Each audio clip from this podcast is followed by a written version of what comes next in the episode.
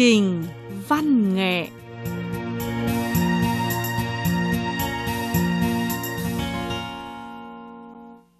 Các bạn thính giả và các bạn cư dân mạng thân mến, hoan nghênh quý vị và các bạn đến với chương trình văn nghệ cuối tuần trên sóng Đài Phát thanh Quốc tế Trung Quốc. Hôm nay Ngọc Ánh xin mời Nam Dương đến cùng Ngọc Ánh dẫn chương trình và gặp gỡ các bạn trên sóng và trên mạng. Xin mời Nam Dương. Xin chào quý vị và các bạn. Nam Dương rất vui lại được gặp gỡ các bạn trong chương trình vâng văn nghệ cuối tuần hôm nay.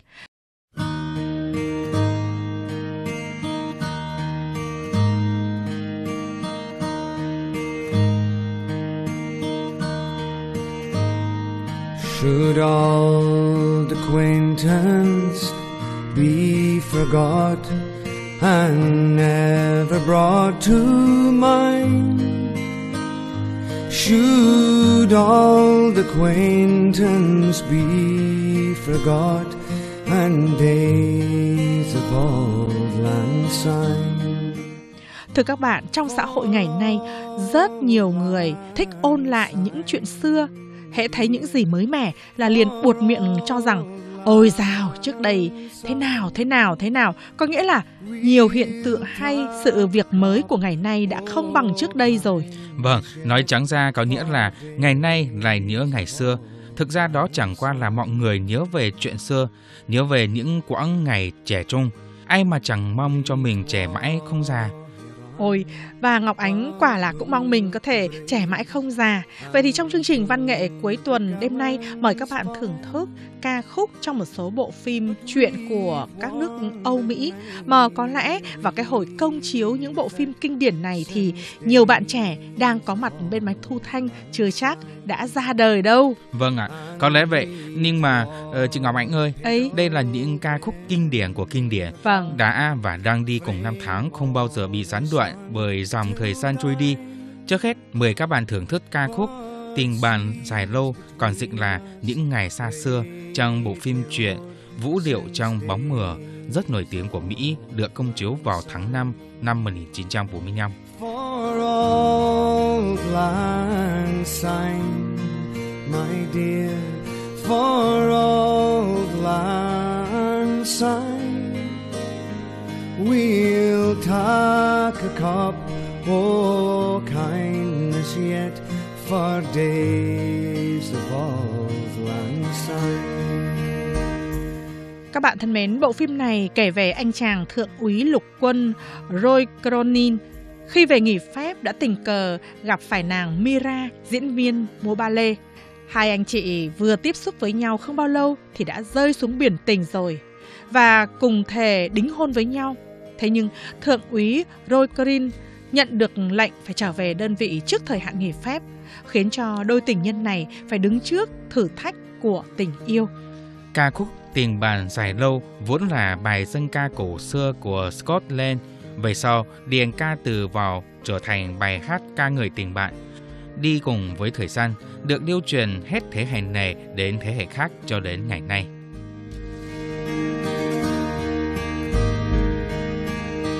And surely you'll be your pine stoop And surely I'll be mine And we'll take a cup Oh, kindness yet for all land sign.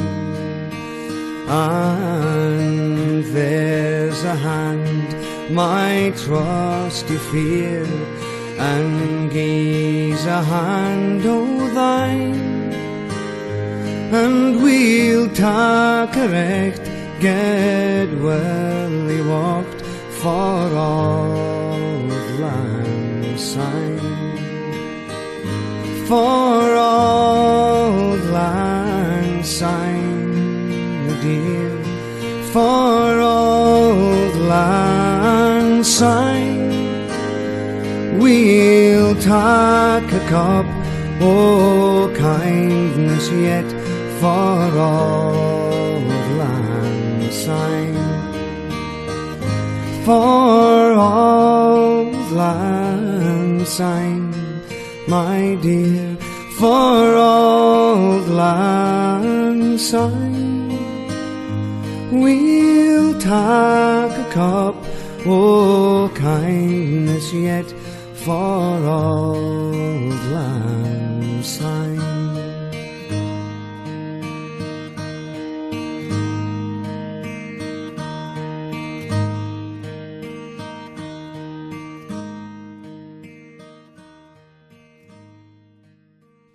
Hoa tuyết nhung là một loài hoa mọc trên núi cao rất nổi tiếng ở châu Âu. Trên mặt lá của loài hoa này có một lớp lông tơ màu trắng trông như nhung, mà lớp nhung này càng gần hoa thì lại càng rậm. Người dân Áo sống dưới chân núi Alpes rất thích loài hoa này và coi đây là quốc hoa của nước mình. Vâng, bộ phim Mỹ Giai điệu hạnh phúc công chiếu vào năm 1965. Câu chuyện kể về vào năm 1938, Maria, một cô gái học sinh yêu ca hát, hồn nhân và đôi chút hậu đậu lơ đãng trở thành một nữ tu tại một tu viện của Áo đến làm gia sư cho bảy đứa trẻ. Con của vị thuyền trưởng hải quân thượng tá Trap đã quá vợ. Cô đã dạy dỗ bảy đứa trẻ này bằng tâm hồn trẻ thơ của mình, rồi đưa chúng hòa mình vào phong cảnh thiên nhiên tươi đẹp, trau dồi đức tín, tin yêu cuộc sống, khiến thượng tá Trap cũng phải động lòng trước phương pháp gia giáo của Maria. Lúc này, quân Đức Quốc xã đã thôn tín áo, thượng tá từ chối bám mình phụ quân dịch cho quân Đức Quốc xã. Rồi, trong một cuộc thi hát dân ca, thượng tá Tarab đã dẫn các con cái và cả cô giáo Maria vượt qua núi Alap, vùng thoát khỏi bàn tay ma của quân Đức Quốc xã. Bộ phim này sau khi công chiếu đã thu về 159 triệu đô la doanh thu vé phòng, đã cùng lúc giành được 10 nội dung đề cử của giải Oscar lần thứ 38. Cuối cùng đã đoạt 5 giải bao gồm phim hay nhất, đạo diễn xuất sắc nhất, nhạc phim hay nhất, vân vân của giải Oscar lần thứ 38 vào năm 1965. Sau đây, mời quý vị và các bạn thưởng thức ca khúc Hoa Tuyết Nhung trong bộ phim Mỹ Giai điệu hạnh phúc.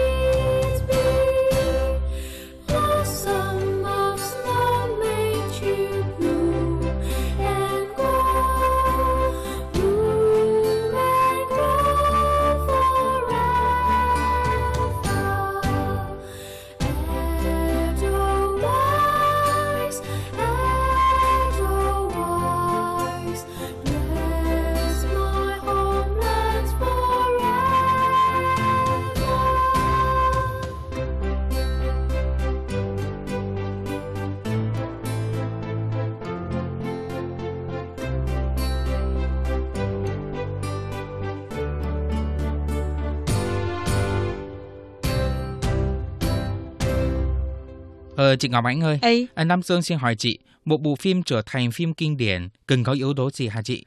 Ôi, thế thì phải cần rất là nhiều nhân tố. À, ví dụ như đòi hỏi về diễn viên thì phải có sắc đẹp như nàng Hepburn, phải có đạo diễn tài giỏi như James Cameron, phải có công ty chế tác nổi tiếng như nhà xưởng giấc mộng, phải gây cho các khán giả tựa như đang có mặt tại hiện trường của khung cảnh trên màn ảnh vậy. À, mà ngoài ra phải có ca khúc hay đến kinh điển, tập trung các nhân tố trên và nhiều hơn nữa mới có đủ nhân tố, đủ điều kiện để xây dựng thành bộ phim kinh điển đi cùng năm tháng, đi cùng thời gian. À, cho nên thì có thể nói rằng một bộ phim xuyên qua năm tháng luôn luôn vẫn thu hút khán giả thật là không dễ gì mà có được. Đúng là như vậy. Sau đây mời các bạn thưởng thức ca khúc Em sẽ mãi mãi yêu anh trong bộ phim truyện Vệ sĩ bí mật. Bộ phim kể câu chuyện về anh chàng vệ sĩ Frank Farmer được thuê bảo vệ cho một nữ ca sĩ nhạc pop xinh đẹp và nổi tiếng Rachel Marin được công chiếu vào tháng 11 năm 1992. So I'll go, but I know I'll think of you every step of the way.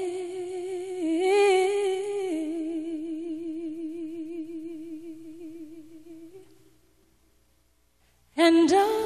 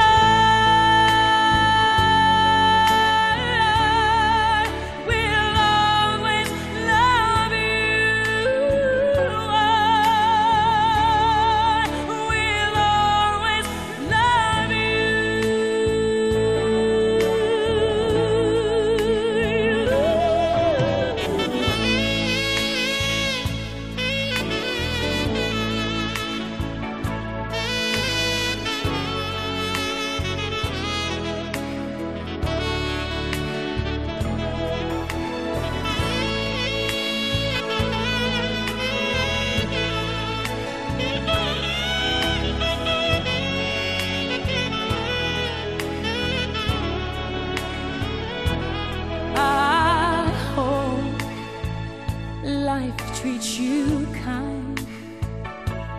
And I hope you have all you dreamed of.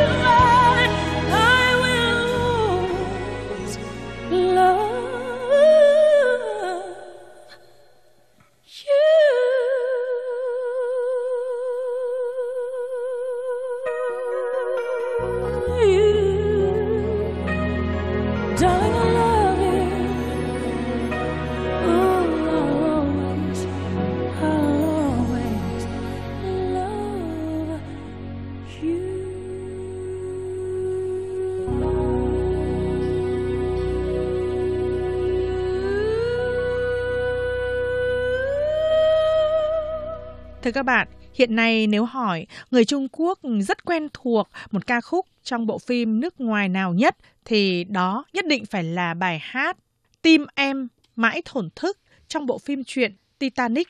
Đúng là như vậy. Bộ phim này có sự ảnh hưởng lớn trên toàn cầu.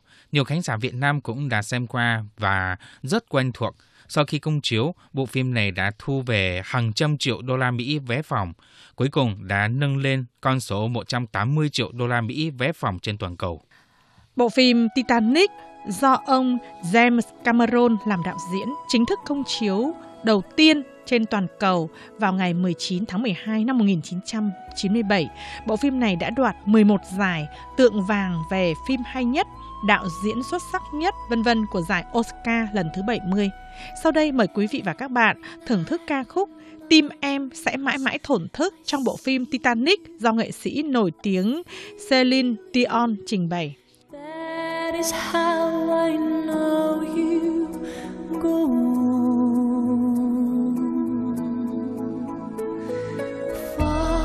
across the distance spaces between us.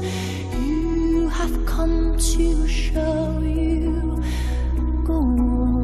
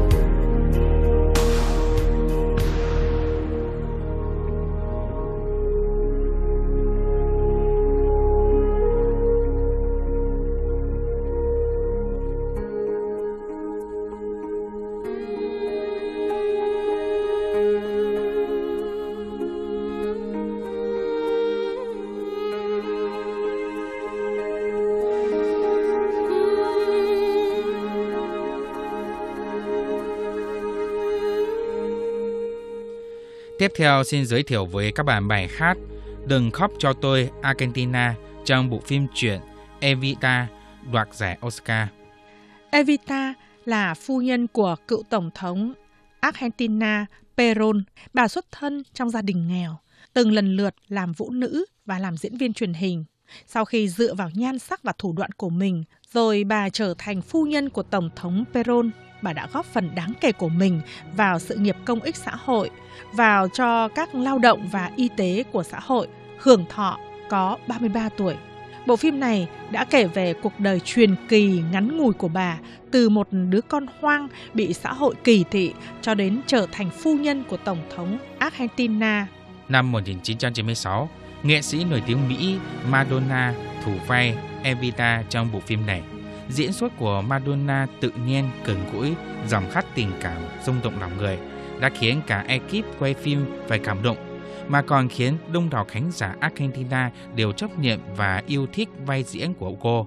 Vì thế mà Madonna đã đoạt giải vai nữ chính xuất sắc của liên hoan phim Cầu Vòng Mỹ.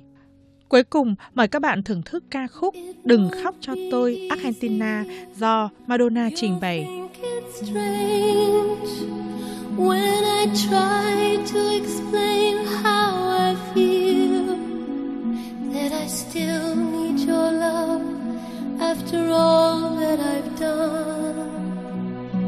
You won't believe me.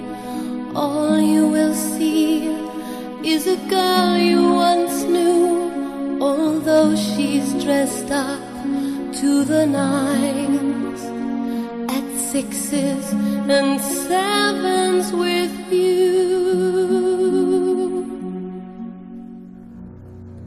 I had to let it happen.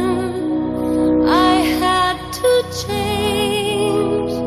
Couldn't stay my life down at heel. Looking out of the window, staying out of the sun.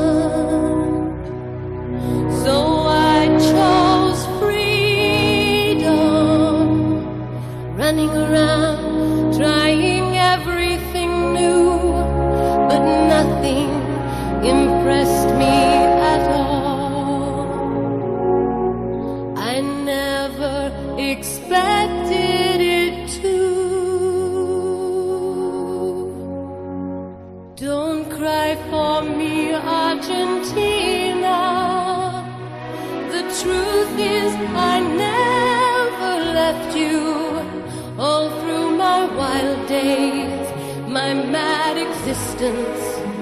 I kept my promise. Don't keep your distance.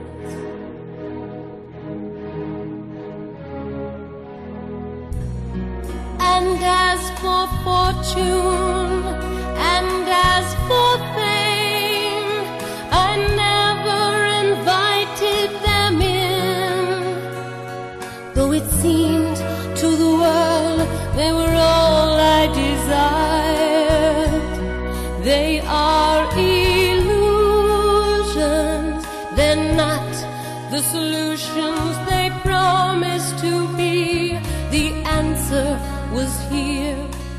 the time.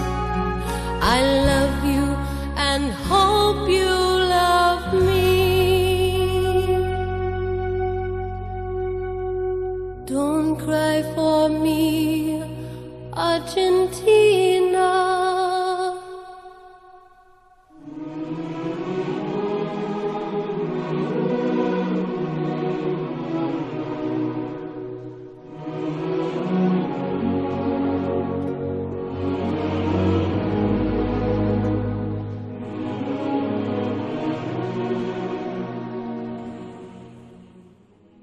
Trên đây, chúng tôi vừa giới thiệu với quý vị và các bạn năm ca khúc lưu hành cùng thời gian trong một số phim truyện xuất sắc đoạt các giải trên quốc tế.